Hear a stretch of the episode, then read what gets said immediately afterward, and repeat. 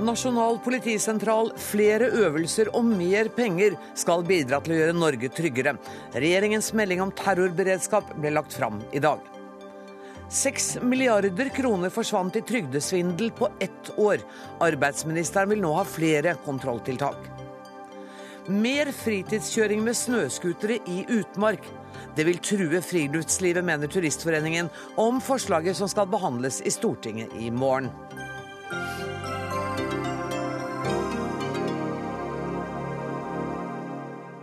Dette er noe av menyen i Dagsnytt 18, hvor vi også skal høre at svensk politiker beskylder Norge for tull i tollsaken.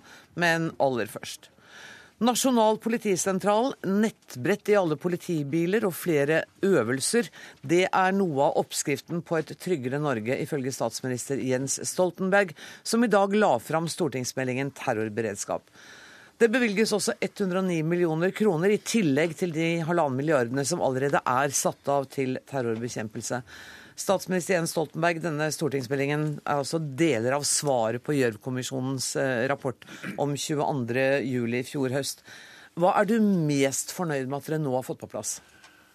At vi kan igangsette konkrete tiltak med en gang. At vi bevilger penger til Nasjonal politisentral. Det så vi manglet veldig 22.07, noe som kunne koordinere det kaoset som da eh, oppsto.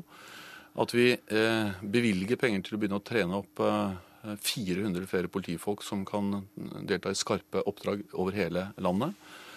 Også at vi setter i gang mer når det gjelder IKT. Der gjør vi ting på lang sikt. Det er et svært program som heter Merverdi. 2,4 milliarder. Vil ta tid. Skal egentlig bytte ut hele IKT-systemet i politiet. Begynner dere med det også med en gang? Ja, det, det, vi gjør med en gang er altså Vi begynner med en gang med oss, dette svære programmet, ja. men det vil ta tid. Ja, Det skjønner jeg, men dere starter men det, men det, vi, det som vi da i tillegg gjør, er mer kortsiktige ting. Å bedre det systemet vi har. Det handler om riksalarm, nytt system for det. Det handler om system for eh, masseinnkalling av personell når vi trenger det.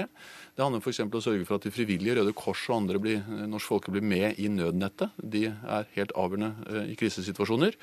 Men det handler om også det som jeg mener er et viktig tiltak, og det er at nå skal det komme nettbrett i alle politibiler. Det løser ikke de store utfordringene som vi skal bruke milliarder av kroner på i forhold til selve IKT-systemet, men det gjør at vi får lettere tilgang på bilder, på kart, kommuniserer med politisentralene. Eh, og også at vi nå stiller krav om minimumsbemanning eh, i de ulike operasjonssentralene. Så det at vi har både noen langsiktige ting som vil ta tid, men også igangsetter ting med en gang, eh, det er det jeg er kanskje mest fornøyd med med den meldingen. Eh, det har, eh, så vidt jeg har kunnet registrere, vært overraskende mild kritikk fra eh, opposisjonen når det gjelder dette, men ett punkt viktig. Du har hele tiden sagt at det er du som er den øverste ansvarlige, og du tar det ansvaret.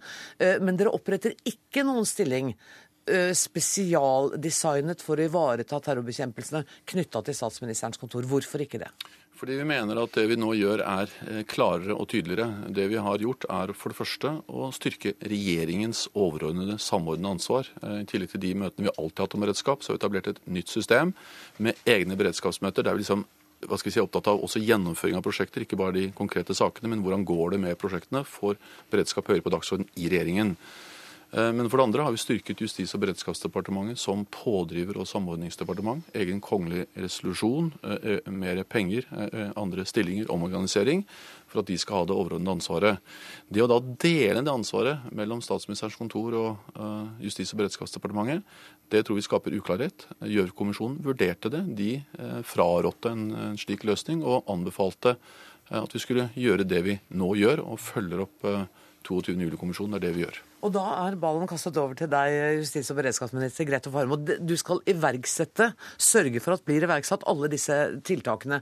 Eh, og når statsministeren snakker f.eks. om dette IKT-systemet, som kommer til å ta lang tid, hvorfor er ikke det det aller første og viktigste dere gjør, når det er det som har sviktet aller mest? Vi er i gang med det, og ikke minst å bygge kompetanse for å kunne ta i bruk eh, IKT på en god måte. Det er gjort betydelig investering med IKT i politiet. Men eh, det 22. juli-kommisjonen pekte på, var at eh, den eh, teknologien vi hadde, klarte vi faktisk heller ikke å bruke godt nok fordi vi mangla kompetanse. Merverdiprogrammet som statsministeren snakka om, det er en milliardinvestering.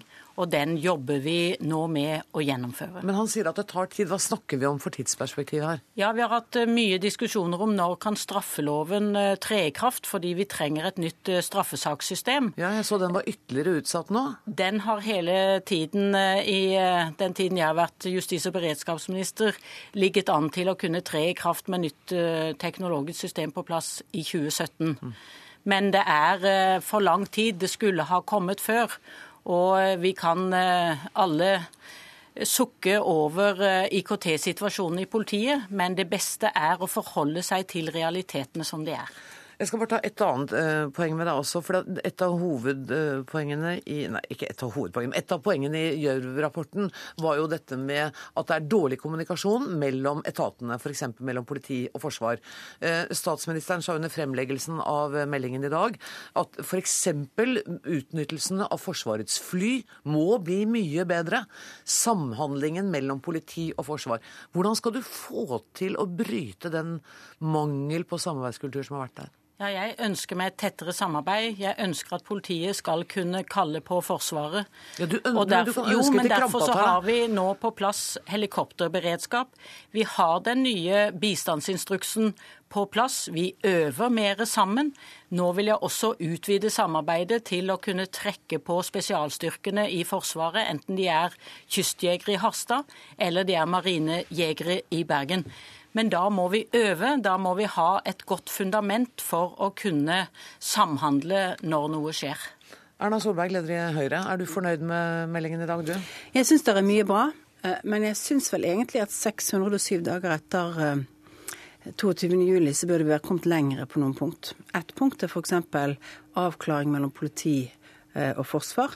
Eh, jeg tror at politimestrene hadde trengt å vite liksom, hvilke scenarioer på hvilket områder, hvilke klare terskler skal det være i en situasjon før du kan kalle på, på, på Forsvarets ressurser. Vi syns at man er kommet for kort på det. Når man nå sier f.eks. at nå skal man vurdere om om, om liksom hvor lovverket ligger, så burde vi på 607 dager klart å være kommet lenger enn det. Men det er mye av de tingene som regjeringen foreslår som er bra. Eh, vi syns at det er bra at vi får en sentral operasjonssentral. Mm. Det er et godt tiltak. Eh, det er mye av de forslagene som bl.a. går på å trene mer og annet, som vi har vært inne på tidligere. Men det er altså noen punkt som jeg syns at ikke må skape en robust nok struktur. Og en av de er at jeg mener at det burde vært noen på statsministerens kontor som faglig sett var en rådgiver, en sikkerhetsrådgiver overfor statsministeren og sekretær for eh, interne utvalg, som kunne bidra til å holde høyt fokus på en koordinering. La meg ta ett eksempel som står i dagens avis. En av de viktige tingene vi har sagt, er at vi må kartlegge alle objekter som skal sikres. I dag står det i Aftenposten at selv om Nasjonal sikkerhetsmyndighet har sagt at eh, Nærings- og handelsdepartementet, Helse- og omsorgsdepartementet og Olje- og energidepartementet burde lage en liste over hvem som skal sikres, sånn at vi kan vite hvor man skal stille med folk og hva som er kritisk infrastruktur. Så har de ennå ikke gjort det. Det er klart at eh, eh, det tar ikke vekk ansvaret fra en beredskapsminister for å ha det konstitusjonelle ansvaret, men det trengs noen som koordinerer og puffer på toppen, og det tror jeg vi kommer til å trenge fremover. Knut Are Hareide, du skal få svare på det. Jeg skal bare tenkte få en oppklaring på dette med at uh, tre av statsrådene skulle ha levert denne oversikten 1.1 og ikke har gjort det. Er det statsministeren som vil svare på det? Ja, fordi jeg mener at eh, det som også jeg tror vi har lært, det er at en viktig måte å bedre beredskap på, er å tidlig avdekke feil og mangler, og så gjøre noe med det. Og Her er det Nasjonal sikkerhetsmyndighet som er ansvarlig for dette. For, eh, og Det er underlagt Justis- og beredskapsdepartementet. og Det er veldig farlig hvis vi da begynner å si at det er underlagt delvis statsministerens kontor og delvis dette departementet. Da er ikke ansvaret plassert ett sted, men flere steder. Da blir det uklarhet. Når det gjelder dette konkrete, så er hele poenget at Nasjonal sikkerhetsmyndighet har jo nettopp avslørt at dette var ikke gjort som man skulle. Tar opp det og reagerer. Vi vil aldri få et system der det ikke er mangler og feil, men det er viktig at vi har tilsyn, at vi har myndigheter som sørger for at mangler og feil blir avdekket, og at det så handles. Så ja, jeg er enig at det er et eksempel på noe som ikke fungerte, men ja, det er også et eksempel på at det systemet ser at noe ikke fungerer, reagerer og tar opp det. Så, eh, så, det er nettopp derfor vi skal skjerpe beredskap, skjerpe overvåkenhet og gjøre noe med ledelseskulturen. og Det er vi i gang med både gjennom Justisdepartementet, at alle statlige ledere ble innkalt i fjor høst, blir innkalt nå igjen, nettopp for å sette dette høyere på dagsordenen. Ja, så Hvordan man organiserer statsministerens kontor er selvfølgelig alltid opp til en hvilken som helst statsminister. Men jeg tror at det ville styrket. Nesten alle andre land i Europa har den typen funksjoner rundt sine ordninger. Og når statsministeren i dag har to ganger nå brukt 22. juli-kommisjonen som på en måte forkle for at dette ikke er riktig å si at de fraråder, så er ikke det mulig å lese det ut av 22. juli-kommisjonen. De sier at det er mange hensyn som burde koordineres i en regjering, og av hensyn til at det er så mange oppgaver, så, burde, så, så vil ikke de foreslå eller anbefale en sånn løsning. Du mener de er jeg, mer spørrende til ja, problemstillingen? Jeg, jeg mener at sikkerhet og beredskap er så viktig at det går faktisk foran en del andre koordineringshensyn i regjeringen. Her tror jeg du får støtte av Knut Arild Hareide. Jeg leste pressemeldingen din som reaksjon på meldingen i dag, og den var også overveiende positiv. Men akkurat dette punktet er vel du enig med Høyre? Ja, det er jeg enig med Erna Solberg. Fordi at uh, vi trenger å styrke sikkerhet og beredskap. Og som en parallell så har vi en egen internasjonal enhet ved statsministerens kontor. Men vi har en egen utenriksminister som sitter med det konstitusjonelle ansvaret. Så det viser jo at det går an å overføre, styrke statsministerens kontor, men likevel beholde den ansvaret som da eh, justisminister og beredskapsministeren sitter med, med dette området her. Hvor, så her, her hvor, mener jeg at en kunne funnet en, en løsning som hadde ivaretatt begge deler. Men hvor avgjørende ville en sånn stilling vært Nei, det, det, er jo på en måte Det, jeg tror, er at uh, gjennom det vi har opplevd uh, disse to årene her, så tror jeg at det viktigste er jo at vi nå har en større bevissthet rundt sikkerhet og beredskap.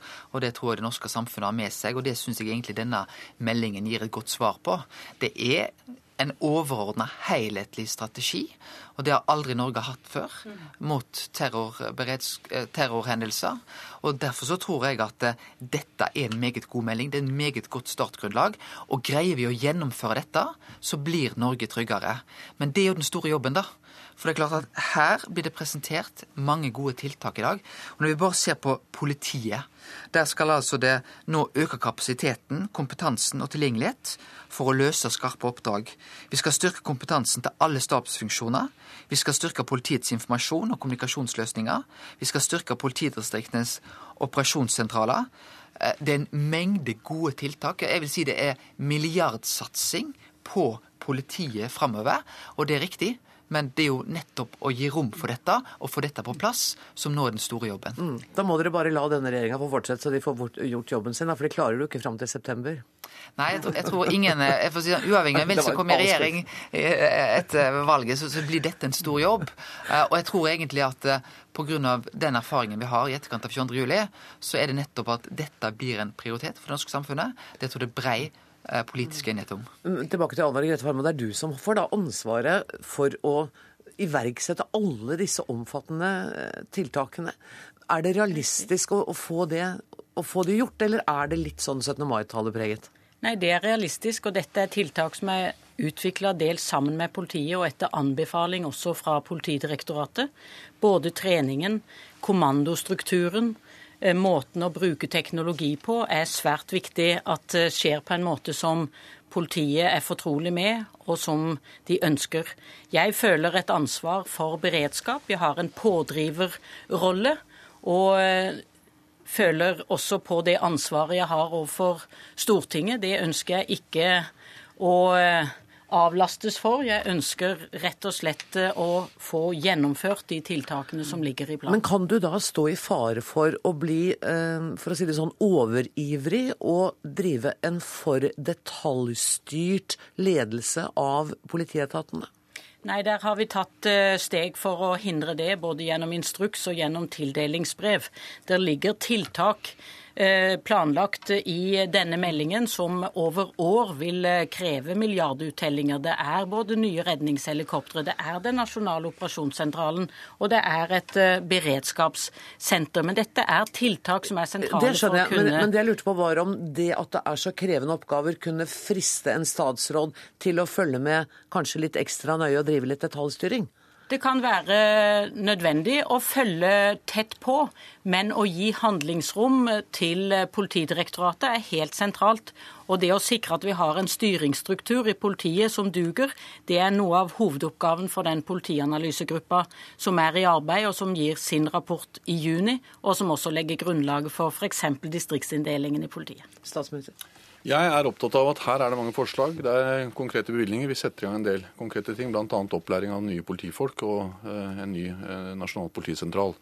Men det er som flere har sagt, det er gjennomføringen som blir det avgjørende. Uh, Og da tror jeg vi skal være ganske konkrete på én ting. og det er at I Norge har vi en veldig god kultur for konsekvensutredning, for kvalitetssikring, for innsigelser, for høringer. Og Det sikrer at alle blir hørt og at alle hensyn blir ivaretatt. Men på et tidspunkt så blir det litt for mye av det. Og det blir litt for lite beslutning og litt for mye utredning. Og Derfor mener jeg at vi må eh, kanskje forberede oss på at noen ganger nå blir det tatt beslutninger. Det er noen mener at vi trenger mer utredning. Vi fikk det nå først på det beredskapssenteret. Det har vært eh, drøftet i alle år. Eh, Vi tok en beslutning før vi hadde egentlig alle konsekvensutredninger på plass. Det var ønske om fler. Vi bestemte Alna, Groruddalen og er i gang. Jeg er helt sikker på at jeg heller blir kritisert for at jeg har gjort én konsekvensutredning mindre, men handle handler raskt enn eh, å alltid ta alle de eh, utredningene. Tilsvarende nå, her kommer det penger utenom tur. Eh, Normalt bevilger man penger i budsjetter, eventuelt kanskje i revidert. Her Var kommer det derfor penger. det kom en pro proposisjon også? Ja, fordi at det er, det er, det er fordi, altså vi, vi må passe på at vi ikke særbehandler alle, alle områder, men dette er et spesielt område. Det er et område som roper på handling. Her er det mange tiltak. Eh, penger kommer, eh, lover kommer. Forslagene ligger der. Men vi skal også holde, holde høyt tempo i gjennomføring. Solberg. Ja, altså, eh, Jeg har ingenting imot at det kommer en ekstra bevilgning til politiet nå. Noen av de tiltakene hadde vi andre satt høyde for i våre, revidert, altså våre forslag til alternative statsbudsjett, fordi vi bl.a. visste situasjonen knyttet til IKT. Eh, Vi visste det. Men det er jo også sånn at man kan godt si at man eh, skal være handlingsdyktig og annet. Men når vi spør justisministeren hvor mye penger er egentlig brukt på IKT, og hva er de brukt på på IKT, så får vi altså skriftlig svar tilbake fra justisministeren at det vet hun ikke. Og det vet hun ikke før i juni måned, for da skal hun få en rapport fra et utvalg. Det er mulig vi ikke skal følge detaljkontroll, men at dette er det viktigste kritiske punktet, og vi altså i februar måned ikke kan få et svar på hva de nesten milliarden som allerede begynte å eh, bevilge til disse formålene, faktisk har gått til, da syns jeg at det ikke vitner om gjennomføringskraft eller oversikt over hva pengene går til. Mm. Og det svaret skal du få i juni, men Hareide først nå. Var dette i samme sak? Ja, fordi at eh, når vi f.eks. påpekte at vi ønsket å styrke bl.a. det som går på terrorbistand fra Forsvaret, eh, så ser vi altså i pressemeldingen fra regjeringa i dag, så står det økt terrorbistand fra Forsvaret skal vurderes. Det syns jeg er for passivt. Vi hadde en 22. juli-komité i Stortinget som påpekte nettopp dette. Og her tror jeg, hadde vi da hatt en enhet ved statsministerens kontor som kunne nettopp påvirke, for vi vet jo det, at forsvar og politi de kjemper om ulike områder. Det er en viss maktkamp mellom de to. Eh, Så er det helt klart at det prinsipielle ved terror må det være det sivile, altså Justisdepartementet, som bestemmer. Men at vi utnytter den kraften det er. Vi er et lite land. Vi må bruke eh, den kompetansen og de ressursene vi har ved slike hendelser. Og her syns jeg vi burde ha kommet lenger. Men dere syns vi har kommet langt. Vet du hva, Jeg er rett og slett nødt til å takke dere for at dere kom, og så får vi snakke mer om IKT og videre beredskap og hvor pengene ble av en annen gang. Tusen takk til Knut Arild Hareide fra Kristelig Folkeparti, Erna Solberg fra Høyre, Grete Faremo justis- og beredskapsminister og Jens Stoltenberg statsminister. Og inn i studio kommer eh, Anders Romarheim, forsker ved Institutt for forsvarsstudier, og Trine Eilertsen, kommentator her i NRK. Jeg begynner med deg, Romarheim. Statsministeren skjærer gjennom å bevilge pengene nå. Uh, og han mer eller mindre sa vel at noen ganger er det viktigere at vi bestemmer enn hva vi bestemmer, bare for å ha tatt en beslutning. Og han kommer ikke til å angre på det. Hva sier det deg? Jeg syns helt klart eh, Stoltenberg tar lederskap eh, i denne saken. Eh, Han eh, viser en form for inspirert eh, vilje til gjennomføring. Eh, Jeg vil eh, trekke fram det, nesten kalle det gjørv-mentaliteten. Hun hadde et veldig tydelig sånn Sett i gang, det er ikke noe å vente på. Og akkurat den delen av det som legges fram i dag, eh, jeg syns jeg er ganske imponerende. Og et eksempel på godt lederskap i sikkerhet og beredskapsarbeidet. Men du har sagt at du hadde forventninger til denne stortingsmeldingen, eh, at den skulle ta for seg kontaktflater og arenaer. Mener du da samarbeidsforholdet mellom forsvar og politi, eller er det noe jeg har misforstått her? Definitivt. Eh, og det er en annen ting som jeg liker godt ved, ved denne stortingsmeldingen. Det er jo et helt eh, kapittel som er tilegna samarbeid. Og SAM-ordene, samvirke, samarbeid og alt det der, det, de nevnes veldig ofte. Og jeg syns det er veldig bra at eh, Stoltenberg også så tydelig i under fremleggelsen sa at det å trekke beina etter seg, enten i politi eller forsvar, det er å skade rikets sikkerhet og, og trenere prosesser. Vi har et felles ansvar, og disse etatene må snakke bedre sammen. Og når du får et så tydelig signal fra landets statsminister, så, så må man jo kunne forvente at eh, folk eh, hører litt etter i etatene. Men hvor alvorlig har det vært, eh, dette litt anstrengte forholdet mellom politi og forsvar? Det er vanskelig å si, men eh, jeg og mange med meg var ikke så imponert i, da, da, dette Stortinget som skal få meldingen, ble åpnet i, i fjor høst. Da blei det en del tullball, der eh, det politi, politinivået, det operative i justissektoren, eh, ber om bistand i form av helikopter, og Forsvaret sier ja, vær så god. Og så skjer det ikke noe veldig lenge før politisk ledelse i justis avblåser det. Mm. Altså at to ulike nivåer innen samme sektor ikke er enige om hvordan man skal agere i en situasjon. Dette må breddes opp i? det må man jo da rydde opp i. Og, og her har vi da en, en, en, et tankesett eh, som jeg tror er viktig å få implementert over hele fjøla. Trine Eilertsen, politisk kommentator her i NRK. Eh, opposisjonen har vært eh, overveiende positiv mm. til eh, denne meldingen? Ja, de har vært det. Eh, og de har jo sett det at meldingen svarer jo på Eh, de fleste av de 31 utfordringene som eh, kommisjonen eh, leverte i sin rapport. I ulik grad når det gjelder konkretiseringsnivå. Noe av det er veldig konkret, som vi har hørt i dag. Men de aller fleste punktene der, det går det ikke an å sitte i dag og si at det løser vi ved å bevilge noen millioner, det løser vi ved å omorganisere. Det er jo et veldig langsiktig arbeid som handler om kultur og ledelse og holdninger, som er det aller, aller vanskeligste, aller tyngste her. Som er vanskelig å måle, vanskelig å telle og vanskelig å gjennomføre, ikke minst. Men har, de, har regjeringen med dette nå klart å legge grunn for en sånn slags konsensus hva gjelder. Nei, terrorbekjempelse her i landet? Altså, hovedtrekkene i han opplever jeg som at det er, er overveldende konsensus om. Så er det litt diskusjon om at noe selvfølgelig Alltid en diskusjon man nok kunne kommet før, og en diskusjon kommer det til å bli om eh, bevilgninger etter hvert. Eh, men jeg tror læringen fra kommisjonsrapporten er at vi kan ikke redusere dette til å bare handle om å overby hverandre i, i kampen om eh, høyest bevilgninger til forskjellige områder innenfor politi f.eks. Eh, man må også diskutere hvordan organiseres det, hvordan ledes det, hvordan er målene der, eh, samhandles det, snakker de sammen. Denne eh, kampen mellom forsvar og justis som vi har vært inne på nå, den tror jeg ikke har vært kjent for folk flest før det siste året eller to. Og det er ganske oppsiktsvekkende for de som har fulgt disse miljøene og visst om det lenge. Og det er jo egentlig et stort, stort problem. Mm og som du sier, som ikke er målbart når det er blitt bedre. Man kan ikke bevilge en milliard og si at nå er det borte. Egentlig vil ikke vi få den eh, endelige eh, svaret på hvor god planen er før neste krise, mm. dessverre. Erna Solberg sa at eh, hun syns at på 600 dager etter 22.07 burde man ha kommet lenger, vært mer konkret og kanskje snudd flere steiner.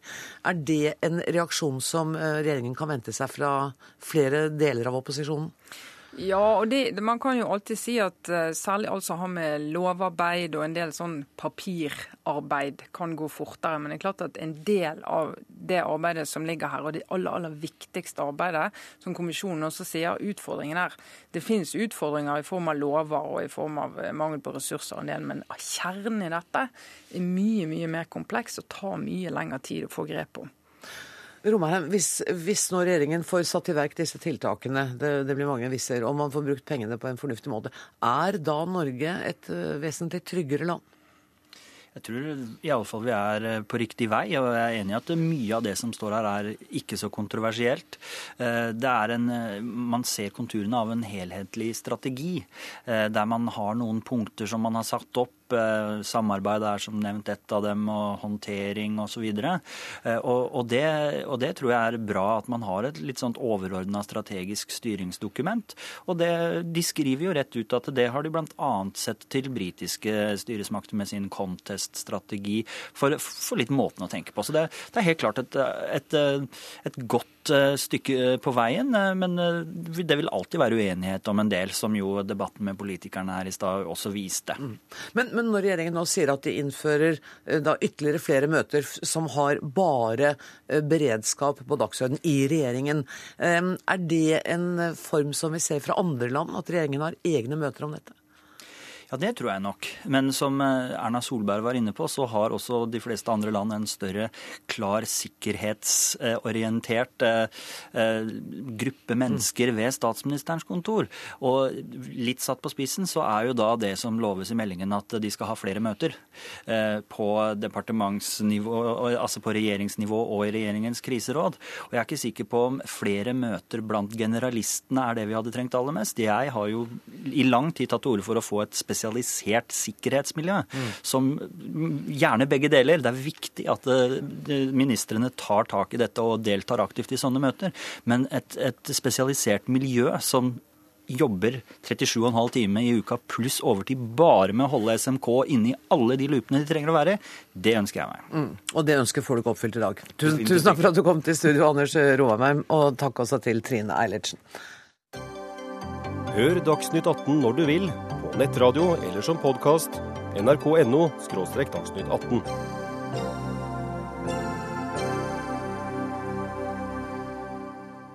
litt eh, overrasket da jeg så Trygve Slagsvold Vedum komme inn. Er det nå vi skal snakke om eh, landbruk? Men nei, det er ikke det. Vi skal snakke om eh, snøscooter. For det blir mer snøscooterkjøring i utmark heretter.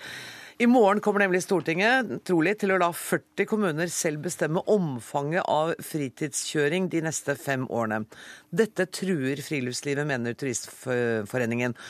Og Trygve Slagsvold Vedum, eh, regjeringspartiene går altså inn for å utvide dagens prøveordning. Så vidt jeg vet så er det sju kommuner nå som har en prøveordning med utvidet adgang til eh, fritidskjøring, og nå blir det 40. Hvorfor det? Hvorfor vi gjør det, er at erfaringen fra de forsøkskommunene har vært eh, veldig gode. Så har vi tro på at når man gir ansvar eh, lokalt, eh, så tar folk eh, ansvar lokalt. Og det her skal jo ikke være noen, noen frikjøring. Det her skal være etter traseer som folk kan da kjøre scooter etter. Så det skal være kontrollerte, trygge forhold. Men det skal i distriktskommuner da åpnes for at man kan da ha mer scooterkjøring når kommunen da vet at en plan for det. Og det skal og da, legges traseer, nye traseer? Det skal legges traseer for det. Og da, Der er erfaringen fra de forsøkskommunene at det skaper mer kontroll, og at man kommer til livs den type bajaskjøring. For det som ingen av oss ønsker, er jo mer sånn bajaseri. For det har vært en del bajaseri også med scooter, og derfor så tror vi at dette er en veldig god løsning. Og I tillegg til de 40 kommunene, så får jo grensekommunene mot uh, Sverige mulighet til å få traseer over til de svenske løypenettet, for det er veldig mye større. Og enda en ting til som skjer, er at eh, man kan bruke nå scooter mer aktivt i forhold til næringskjøring. Altså Hvis du f.eks. skal drive med turisme, eh, kjøre det opp til et vann eller noe sånt, men også der skal det jo være etter avtalte løyper, avtalte traseer. Så at, uh, her gir det en del mer muligheter for uh, rekreasjonskjøring i de 40 kommunene. Det gir mulighet for næringsaktivitet i andre kommuner. Uh, selvfølgelig etter en god plan. Og så gir det da mulighet for grensekommunene til å koble seg på det svenske løypenettet. Så det her mener vi er en Eh, en balansert og god løsning som tar vare på både natur og, og gir større muligheter utover i Norge. Nikolai Astrup, dere er enig i dette forslaget, men syns ikke det går langt nok? Dere vil ha gjennomført uh, ordningen for hele landet? Altså, vi har jo hatt et forsøk fra 2000 til 2005 med mm. syv kommuner. Det forsøket ble avsluttet, det ble evaluert. Det viste at det var vellykket. Det ble faktisk mindre støy i de kommunene hvor man hadde tilrettelagte løyper, enn i de kommunene hvor det er fritt frem eh, i praksis og ulovlig kjøring mener som dominerer. Mener du mindre fysisk støy, eller mener du mindre politisk støy? Nå? Nei, nå, da mener jeg begge deler i og for seg. Okay. Eh, og det som er viktig, er jo at uh, dette er ikke noe frislipp. Dette er ikke snakk om at det skal være fritt frem for alle til å kjøre hvor de vil. Dette er snakk om at du kan dirigere kjøringen til de minst sårbare områdene, og du kan ha kontroll på det, og det skal være avgrenset. Eh, og eh, det er altså ikke på noen måte snakk om at eh, vi skal møte snøscootere når vi er ute og går på fjellet i nasjonalparker og den type ting. Det vil være langt utenfor endringene i denne loven. Men, men det er gjort undersøkelser så seint som i 2010 som sier at 67% av befolkningen ikke vil ha denne åpningen for snø, snøscootertrafikk. Er dere rett og slett litt i utakt med resten av befolkningen? Jeg vil heller ikke ha frislipp av snøscooterkjøring rundt den norske fjellheimen. for å si Det sånn. Det er helt uaktuelt for meg å gå inn for, og det er heller ikke det vi gjør. Det vi går inn for, er jo at dette skal være under strenge, kontrollerte rammer. At det skal være et avgrenset område i kommunen, og at det skal være en snøscooterløype som gjør at det er der man kjører, ikke andre steder. Mens nå er det jo, eh, som eh, mat- og landbruksministeren var inne på, bajaskjøring, og folk misbruker regelverket. De kjører rundt med noe ved bakpå eh, for å late som det er nyttekjøring, og så kjører de hvor som helst, og det er ikke eh, bra, verken for oss som liker ro og fred i høyfjellet eh, og andre steder, eh, og heller ikke for sårbar natur. Kjartan Askum, du er fagsjef for naturforvaltning i Den norske turistforening. Hva er gærent med dette? Det høres velregulert, kontrollert og mye bedre ut enn den der bajaskjøringa som vi driver med Ja, det høres jo veldig fantastisk ut, jeg er enig i det. det men, eh, og det er interessant at begge trekker fram det forsøksprosjektet som, som da åpenbart de mener er, eh, har vært en suksess. og Begge to nevner jo det. men og blant annet så blir det nevnt at det førte til mindre støy. Det var det stikk motsatte som var hovedkonklusjonen. altså Det førte jo til mer støy. Altså Det var mer støy som var følgen av dette prosjektet. Og, og for meg så er det åpenbart at når man åpner opp for nye kjøreformål, og legger til rette for at flere skal kjøpe seg snøscooter, så blir det mer snøscooter- snøscooterkjøring. Altså det her vil på lang sikt garantert ha store konsekvenser for det friluftslivet som DNT er opptatt av Men det de skal altså ikke kjøre fritt rundt. Det skal være i merkede traseer som kommunen har bestemt. Og det er ikke sånn at alle kan gjøre det. Er det så farlig da, da? Ja, ja, ja, problemet her er at eh, eh, med stor sannsynlighet så får man ikke bukt med den ulovlige kjøringen. Den vil fortsette.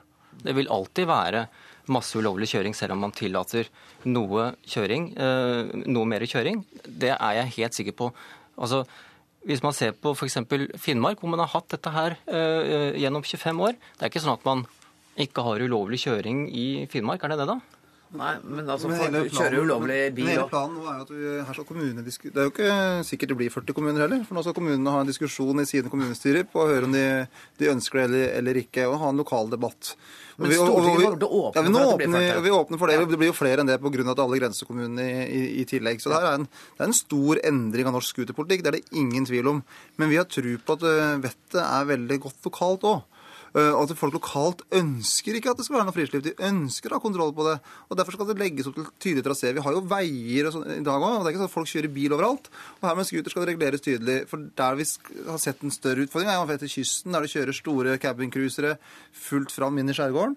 Men her skal det være mye mye mer kontrollert enn det vi har på båttrafikken. Her skal det være etter oppmerka traseer, ting som er behandla politisk, som er forankra i forhold til det Astrup snakka på. Hvis det er da spesielle miljøinteresser eller andre interesser som man kommer i konflikt med. Så her skal det være åpning for mer muligheter. Også er det et veldig viktig tilleggsdimensjon. eh, Det er jo at det her også kan legge grunnlag for flere arbeidsplasser når vi åpner for næringskjøring i, i alle, alle distriktskommuner. Men, men det er jo et riktig når Turistforeningen sier at når man åpner for større adgang, så blir det flere snøscootere. Altså, Ja, det gjør det. Loven, loven setter strenge begrensninger på dette. Altså Lovens formål skal jo ikke endres. Den er bl.a. vern av natur, den er stillhet, og det er samfunnsmessig eh, hensyn. Men den åpner for Og det betyr at hvis kommunene går utover sin kalde fullmakt og anlegger løyper der det ikke burde være løyper, så vil fylkesmannen eh, nedlegge innsigelse, som fylkesmannen jo er glad i å gjøre i mange tilfeller.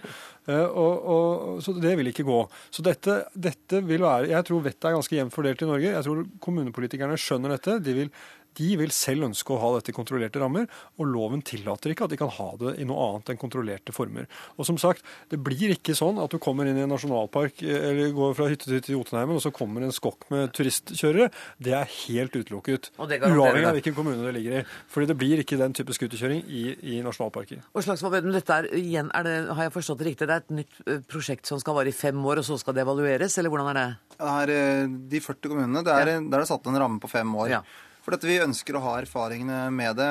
Og vi tror at det her kommer til å bli sett på som et vellykka prosjekt. Og at man, at man vil erfare at eh, kommunepolitikere rundt i Norge tar ansvar. Og at det over tid også vil gjøre at det blir mindre den type uvettig kjøring. For at man vil slå ned på det. For han ser at hvis man har mye uvettig kjøring, så kan man miste den muligheten. At fylkesmannen da må, gå, må, må gripe inn.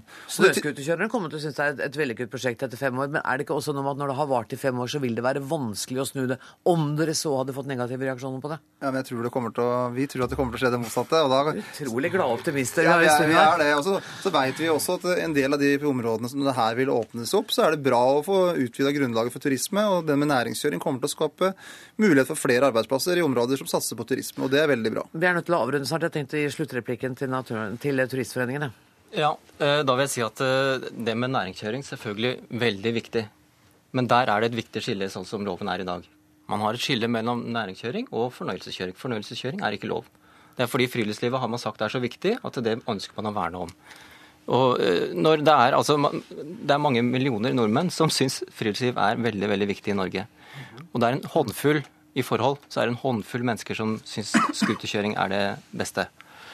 Og her vil det sannsynligvis være veldig få mennesker som ødelegger for veldig mange, fordi dette her er en utvikling som er vanskelig å endre på hvis man først åpner. Og i morgen kommer Stortinget til å åpne for det, så får vi se resultatet om eh, fem år. Tusen takk for at dere kom, Kjartan Askim fra Turistforeningen, Nikolai Astrup fra Høyre og Trygve Slagsvold Vedum, som vi skal se igjen ganske snart i en også annen sak. Tusen takk for at dere kom.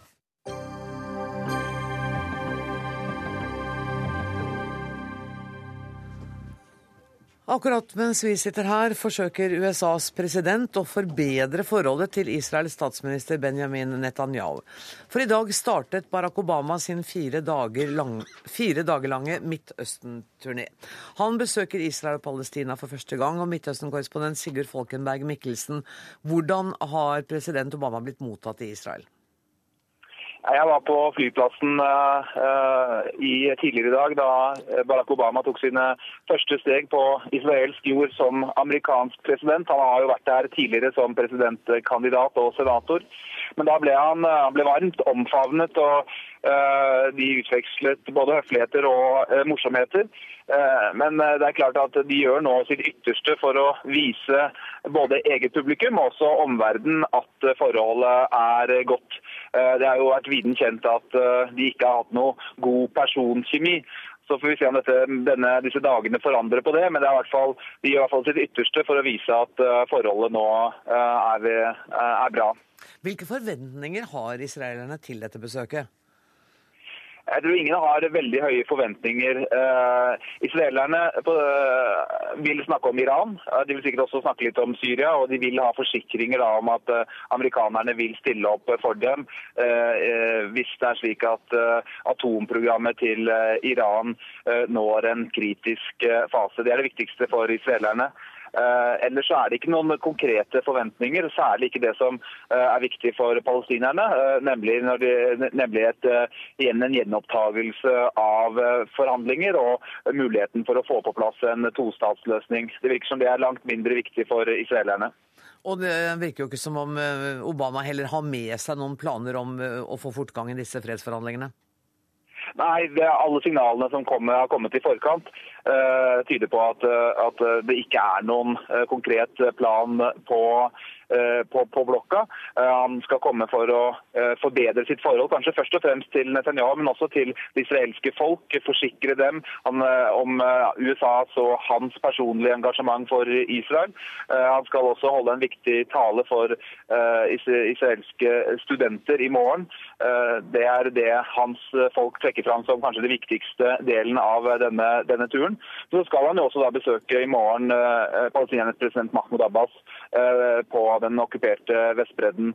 Eh, også en tur innom eh, Betlehem. Tusen takk for at du var med i Dagsnytt 18, Sigurd Falkenberg Mikkelsen, Midtøsten-ekspert eh, Hilde Henriksen Våge. Hva ligger i det for Obama med å dra til Midtøsten nå? Eh, det er ikke så lett å forstå seg på eh, den godeste amerikanske presidenten. Fordi at eh, når han ble valgt for sin første periode for litt over fire år siden, så gikk han jo ut så høyt på banen. Etter to dager så lovte han at han skulle aktivt og aggressivt arbeide for freden. Han skulle opprette den palestinske staten. Israel skulle stoppe å bygge bosettinger. Og han ble ganske umiddelbart spilt sjakkmatt av Israel. Eh, og da måtte den amerikanske presidenten velge om han ville ha gående en offentlig ordkrig med Israel, eller bli gjenvalgt som amerikansk president. Nesten så enkelt er det. Eh, og han har vel lært av den forrige runden, så vi ser nå en veldig annen Barack Obama som skrur ned alle typer forventninger til å skape fred. Men gjør han da for lite for sent nå? Ja, han gjør det i hvert fall i gal rekkefølge. Mm. Altså, Jeg husker for fire år siden at jeg tenkte at men, men, har ikke den amerikanske presidenten noen rådgivere som kan fortelle ham hvor galt dette kommer til å gå? Behøvde ikke være liksom veldig smart for å tenke det. Men han skjønner nå at han må forbedre forholdet til Israel. Siste amerikanske meningsmåling viser at 64% av amerikanerne støtter Israel. 12% støtter palestinerne. Det er den mest pro-israelske amerikanske meningsmåling eh, på de siste 20 år. Men eh, kan han redde dette forholdet til Israel ved å, ved å komme på en, en reise så seint i presidentperioden sin? Eh, ja, han kan jo bedre det, så lenge han ikke eh, begynner å yppe seg med krav om fred og palestinere og stat og sånn. Eh, og jeg tror, vi vet jo ikke helt ennå, men jeg tror jo at det er slik han tenker. Få ned forventningene, bygge forhold til Israel. Eh, for det hjelper jo også i forhold til den hjemlige opinionen i USA. Eh, og snakke om en ellers vanskelig og turbulent region. Iran ligger der borte, og Israel vil gjerne bombe de kjernefysiske installasjonene. Og har sagt det. Og har sagt det, og har øvd på det, og har planlagt det. Og Obama og USA har holdt dem tilbake. Eh, men så er det liksom disse palestinerne. Eh, og eh, problemet for Obama er at han har ikke nok støtte på hjemmebane til å gjøre noe med det. Men det er liksom ett lite håp, og det er at han skal jo ikke denne gangen gjenvelges. Nei. Det er jo ikke så farlig hvor sinte de eventuelt blir på ham. Men Kongressen og alle andre vil være mot. Og derfor så tror jeg at det er det vi ser. En president som kjøler ned forventningene til eh, freden og til palestinerne, og konsentrerer seg om andre viktige spørsmål. Jeg leste noen britiske kommentarer i eh, som kommentator som sa at eh, forholdet mellom Obama og Netanyahu også er kjølig. Er det liksom på det personlige planet òg? Ja, altså det, det, det, er vel ikke noen hemmelighet at det forholdet er eh, litt mer enn kjølig. Eh, og politisk så er de jo på en måte på hver sin planet. Sånn at eh, det er ikke godt.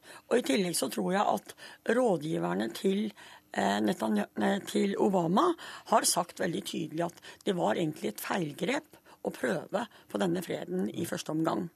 Eh, og det ryktes også at de også advarer han mot å begynne på en ny kamp med Netanyahu om freden. Så det forholdet er nok ikke godt, så han trenger jo å tilsynelatende også bedre eh, det bilaterale forholdet mellom USA og Israel. Og det spørs om han klarer det på så kort tid. Ja, det spørs. Tusen takk for at du kom til Dagsnytt 18, Hilde Henriksen Våge.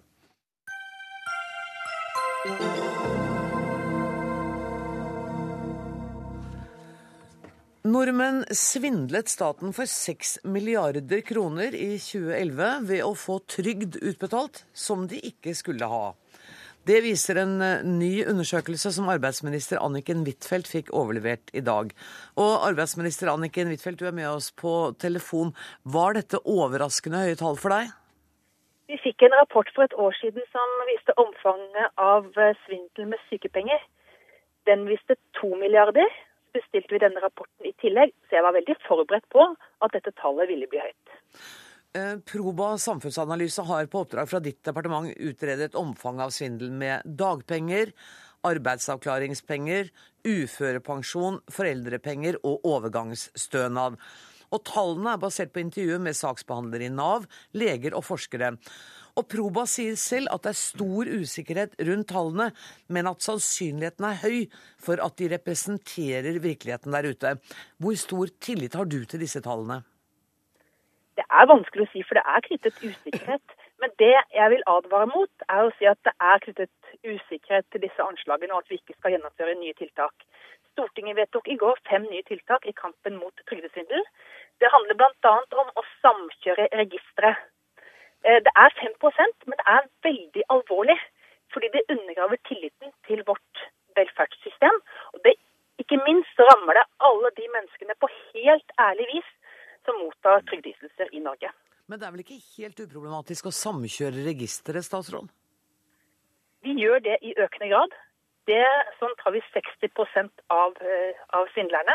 Men det er klart det er personvernhensyn her også. Nettopp, det var det og Nav går hele tiden sammen med Datatilsynet og få godkjenning på de metodene man bruker for å innhente opplysninger. Men det handler også om ikke sant, Brønnøysundregisteret har man starta et firma. Og hvis det er berettiget grunn til mistanke, så går man inn på konto, kanskje på ektefelles konto, for å avsløre svindlerne. Stortingsrepresentant for Høyre og medlem av arbeids- og sosialkomiteen, Torbjørn Røe Isaksen. Var du overrasket over rapporten som kom i dag? Nei, Vi har jo fått noen hint om det tidligere, men det er jo et uhorvelig svært beløp. da. 6 milliarder kroner, og da er ikke en ordning som sykepenger f.eks. tatt med. Og hver krone som går altså hver krone som går til trygdesvendel, det er en krone mindre som vi ikke får brukt på å gjøre folk friske, på å utdanne folk, få folk tilbake til arbeidslivet. Men vet vi noe om, om det er mange som eh, lurer og bedrar litt, eller er det noen få som får med seg mye? Jeg har ikke fått, har ikke fått sett, på, sett, på, rapporten ennå, så det, det, tør jeg ikke si noe om. Men det er, det er, veldig mye interessant i rapporten, ikke bare beløpet. For det, Statsråden nevnte jo at i går så stemte hele Stortinget, også Høyre, for fem tiltak for å få ned trygdesvindlene for å bekjempe trygdesvindel. Men denne rapporten viser jo også andre ting. Den viser jo også at eh, f.eks. på en ordning som overgangsstønaden, som da er en, eh, en, velferdsordning hvor det er sterk overrepresentasjon fra en del minoritetsgrupper, så er man veldig dårlig til å stille krav til de som mottar ordningen, f.eks. Og der er det også en veldig høy beregning. altså man regner På, på da overgangsstønaden så regner man med at det er rundt 350 millioner som blir svindla, beregna. Eh, og Det har selvfølgelig også med man, eh, sammenheng med at man ikke er tilstrekkelig gode til å følge opp og stille krav til de som mottar. Så Dette handler ikke bare om liksom svindel og kynisme, det handler også om at vi har ikke et tilstrekkelig kravkultur i Nav. Men når du, når du svindles for 2,5 milliarder kroner på uføretrygd, Mm. Er det også, Kan det være misforståelser at man ikke riktig vet?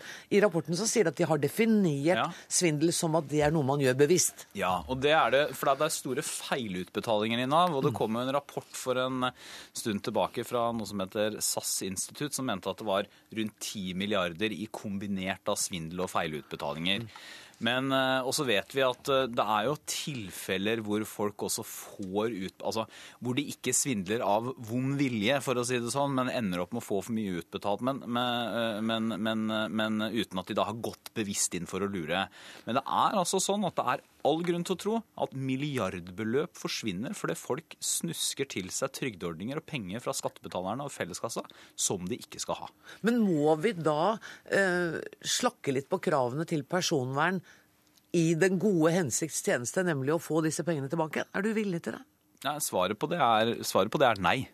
Eh, men vi er nødt til å gjøre noe med det. Og det er fullt mulig å både gå etter de som misbruker trygdeordningene, og ikke da rasere personvernet eller legge personvernet helt til side. Så her er du helt på linje med statsråd Huitfeldt? Ja, og jeg er også glad for Jeg gjorde faktisk noe så uvanlig i går som å skryte av regjeringa. For at regjeringa hadde først lagt fram et forslag som fikk sterk kritikk, bl.a. av Datatilsynet, fordi det ikke ivaretok personvernhensyn godt nok.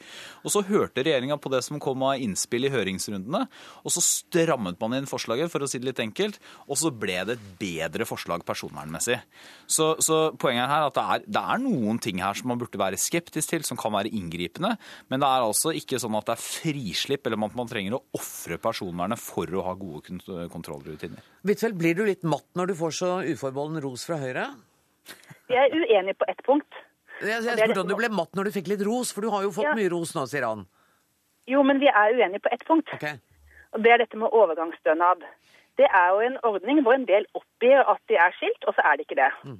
Da ønsker jo Høyre å fjerne denne ordningen. Det vi isteden har gjort fra 1.1.2013, er å si at for å få denne stønaden, så må du være i arbeid eller utdanning. Altså stille aktivitetskrav.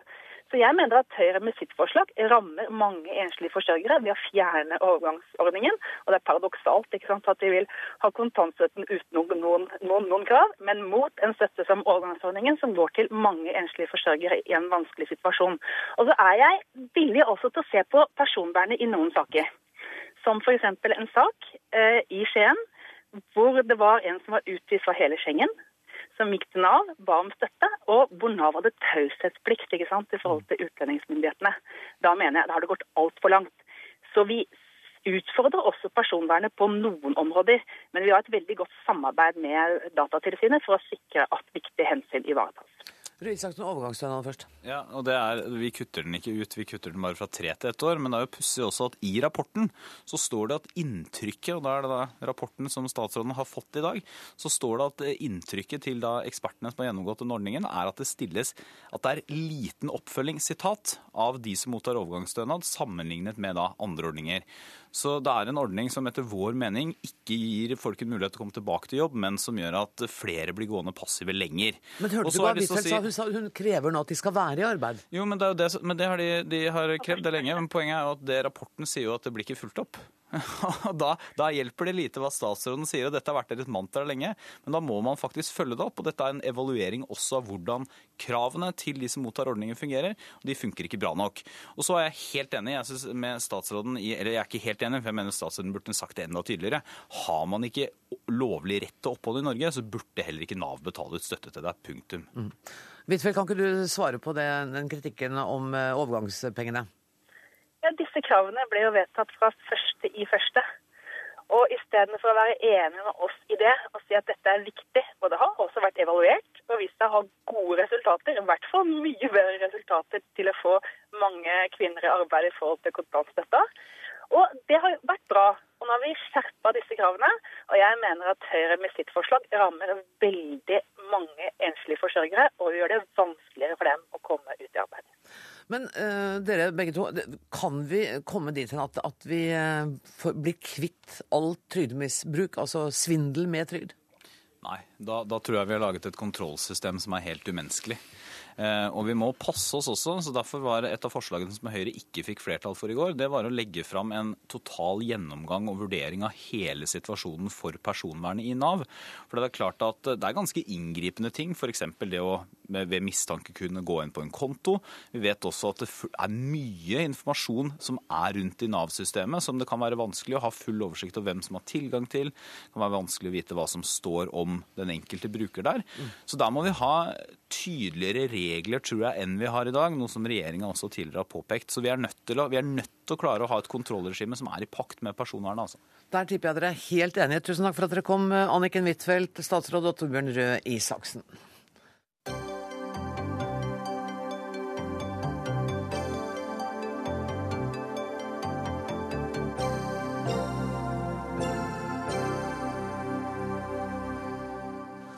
Ja, da sier jeg hei igjen til eh, landbruksminister Trygve Slagsvold Vedum. Velkommen tilbake. Nå inn på et eh, tema som virkelig er eh, midt på ditt bord. Ja. For EU-parlamentet vil presse Norge til å fjerne handelsrestriksjonene som vi innførte tidligere i år. EU-parlamentariker Kristoffer Fjellner, du sitter i EU-parlamentets komité for internasjonal handel og er medlem av det kristendemokratiske partiet Moderata samlingspartiet i Sverige. Kilder i EU-kommisjonen forteller til den norske avisen Nasjonen i dag at EU står samlet om å kreve at Norge fjerner tollendringene. Kan du bekrefte det? Ja, ja, vi hadde en debatt i dag i utskottet faktisk om frågan och då sa EU-kommissionen konstaterade att Norge har nog lyckats med det som är bland det svåraste som finns. De har nämligen lyckats få både Europaparlamentet, alla medlemsstater och EU-kommissionen att hålla, hålla med varandra och vara överens om någonting.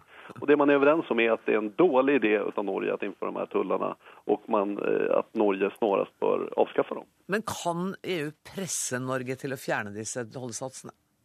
Man kan väl börja med att vädja egentligen. Eh, vi kan och inte kan, det sämsta vore ju egentligen om det blir någon handelskonflikt och att man så att säga tit for tat, att man säger ja, men nu ska EU införa tullar på eh, vad vet jag, norsk lax eller någonting som någon typ av straff. Eh, och, och det vill, vi, vill i alla fall inte jag, men, men eh, därför kan man ju börja med att vädja och säga att det här är en dålig idé, ändra er. Og da uh, tar vi det rett til landbruksminister Trygve Slagsvold eh, Vedum. Når du hører nå at EU bønnfaller dere om å fjerne dem, lar du deg bevege? Nei, for det her er et uh, helt legitimt grep, og det er et veldig viktig grep. Skal vi ha et norsk landbruk og skal vi ha norsk mat, så var det helt nødvendig å forbedre tollvernet, og det gjorde vi. Og så er Norge en særdeles ryddig partner, så vi uh, forholder oss selvfølgelig til de avtalene vi har, både gjennom WTO-regelverket og gjennom EØS-avtalen. Så må vi jo huske på at det er den norske landbruksministeren sin oppgave å stå opp for norske interesser, for norsk landbruk, for norsk matproduksjon. Og så er det en svensk EU-parlamentariker sin oppgave å stå opp for svensk landbruk. Og det har jeg stor respekt for. Men en av grunnene for at vi ikke ble medlem i EU i 1994, var nettopp at vi skulle ha muligheten til å kunne styre landbrukspolitikken i Norge. At den ikke skulle bli styrt fra Brussel. Og nå bruker vi den handlefriheten, for vi mener det er rett å ha en matproduksjon i hele landet. Men kan vi heve tollene, så kan EU gjøre det òg. Altså, det er ikke sånn det fungerer. for Vi må jo forholde oss til de avtalene vi har. Og vi har helt ryddige og klare avtaler. eh, Og det vi gjør da i forhold til på landbruksområdet, det er at vi forholder oss til den friheten vi har. I forhold til vi kunne velge mellom kronetoll og prosenttoll. Og Da har vi valgt nå å gå over til prosenttoll på seks eh, produkter. eh, og Det har vært helt rett og helt nødvendig skal vi klare å ha lønnsomhet i landbruket i hele Norge. Og så må vi huske på at det, eh, det å drive landbruk i Norge, det er ganske krevende. Det er et bratt land, det er kaldt, det er vått her. Eh, Og det, norske bønder har ikke mulighet til å konkurrere på samme vilkår som eh, danske, tyske bønder. For det er et helt fullstendig annet landbruk. Og her er det snakk om ca. 100 000 arbeidsplasser som vi ønsker å bevare og utvikle i landet vårt. Kristoffer Fjellner, eh, der hører du vi holder oss til avtalene og opptrer ryddig, sier vår landbruksminister. Jeg har jo, ja, det er rolig, for jeg har under mine ni år i EUs handelspolitik, jag tror aldrig jag träffat en protektionist faktiskt. Jag har aldrig träffat någon som säger sig vara protektionist i vilket fall, men däremot har jag träffat väldigt många människor som säger att de vill protect någonting, det ena och det andra. Och det är väl ganska klart och tydligt att, att den norska lantbruksministern vill använda protektionistiska medel då för att i det här fallet bönder. Men det här med att, att man, avtalet, att, att man bara håller sig till avtalet. Jag vet inte, jag har ju läst det här avtalet, det hoppas jag att den norska jordbruksministern också har gjort. Och artikel 19.2 är väldigt tydlig. Den säger att båda parterna förbinder sig att successivt liberalisera handeln med jordbruksprodukter. Eh, och, och därför tycker jag någonstans att man byter inte bara mot andan i det avtal som EU och Norge har slutit med varandra, utan även mot, mot bokstaven så att säga. Så att därför är jag, ska jag säga att jag är ärligt orolig för att det, jag vet att det finns krafter i EU som på något sätt skulle vilja införa några strafftullar på motsvarande sätt på norska produkter. Och de stora förlorarna för det, på det, det blir givetvis inte bara norska företag och norska producenter utan det blir också konsumenter i Sverige och andra delar av Europa. På samma sätt som idag norska konsumenter drabbas av att Norge valde att införa de här höga tullarna. Vi har jo um, forholdt oss uh, fullt og helt til de inngåtte avtalene vi har. Og så valgte Norge og Sverige ulikt i 1994. Dere ble EU-medlem, vi ble det ikke. Og en av grunnene for var det var at vi skulle ha en uh, selvstendig norsk landbrukspolitikk. Men det som jeg syns har vært altså, Fjellene kjenner jo Norske Høyre veldig godt. De var jo valgkampmedarbeider i Norske Høyre i 2001 og hjalp til der. og det, det er sånn det er på tvers av landegrenser. Men det som jeg syns er utrolig, er at det norske Høyre og Frp så mange ganger gjør alt de kan for å snakke ned norske interesser og ikke forsvare norske interesser. Noen ganger så kan du få inntrykk av at Høyre og Frp er mer opptatt av å forsvare de interessene som Men de er jo ikke her, så vi Jo, kan jo ikke svenske- debattere med dem nå. Nei, men som svenske parlamentarikere er opptatt av. Men du, kan vi ikke gå konkret på den paragrafen som han refererte til, hvor det står i avtalen at partene gjensidig forplikter seg til gradvis å liberalisere. Han sier at det er ikke, du er ikke bare mot ideen, men, men at det vi gjør strider mot selve bokstaven i eh, teksten. Ja, men nå har vi en veldig tett og god dialog med EU-kommisjonen. Men vil du ikke snakke om den Jo, jo, konkrete? jo, det er det jeg svarer, svarer Ah, okay. på. Ja. Og nettopp der vi redegjør for hvordan, eh, hvordan har utviklinga med landbruksvarer mellom Norge og EU vært. Og det har vært en stor økning i importen av landbruksvarer. Og Det er jo derfor vi, vi har god kontakt. Og når vi har kontakt nå på ministernivå, eller på embetsmannsnivå, som vi har nå, så er det en god dialog der en får fram fakta. Og når en får fram fakta i den saken her, så, så vil det bli ro rundt det. For man ser at vi har forholdt oss til det, og det har blitt en gradvis i import. Og så, had, og så har vi den handlefriheten. Og der har EU og Norge ulike interesser. For klart at Det er ikke så rart at danske bønder har lyst på å eksportere enda mer gulost inn i det norske markedet, men vi forholder oss til de kvotene vi har inngått, de avtaler som har blitt skrevet under, og så bruker vi den friheten vi har. Og så har vi litt ulike interesser. Og så snakka Fjellner om proteksjonisme. og det, altså EU har jo enorm, de har også enormt høye tollsatser, på flere hundre prosent. Og Jeg hadde en møte med handelsministeren fra Namibia, og som han sa til meg jeg er veldig glad for at dere ikke er EU-medlemmer, for at Norge alene importerer kjøttvarer fra Namibia som har en større verdi enn det hele EU gjør. Så EU gjør akkurat det samme som Norge. De fører en landbrukspolitikk for å beskytte sitt landbruk, bl.a. mot Namibia.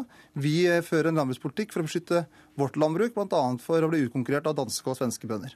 Kristoffer Fjellner, helt til slutt. Altså, eh, det vår statsråd sier, er at når alle fakta kommer på bordet, så blir det ro om denne saken. Er du enig i det?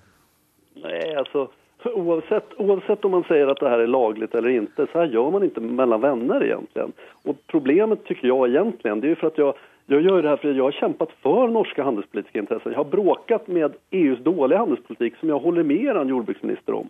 Eh, och, och då är problemet att engagemanget här, intresset för att ställa upp för Norge blir ju mindre från sådana som mig och andra när det visar sig att man vill hindra frihandeln och hindra handeln i Europa snarare än att faktiskt försöka samarbeta. Så att det här kostar i vänner i Europa. Det koster dere venner i Europa. Det var siste ord som ble sagt i denne Dagsnytt 18-utgaven, og det var Kristoffer eh, Fjellner, som er EU-parlamentariker, som sa det. Takk også til Trygve Slagsvold Vedum. Som sagt, Dagsnytt 18 er uh, slutt for i dag. Ansvarlig var uh, Dag Dørum. Det tekniske ansvaret har Lisbeth Sellreite. Jeg heter Anne Grosvold. Vi høres igjen i morgen. Takk for nå.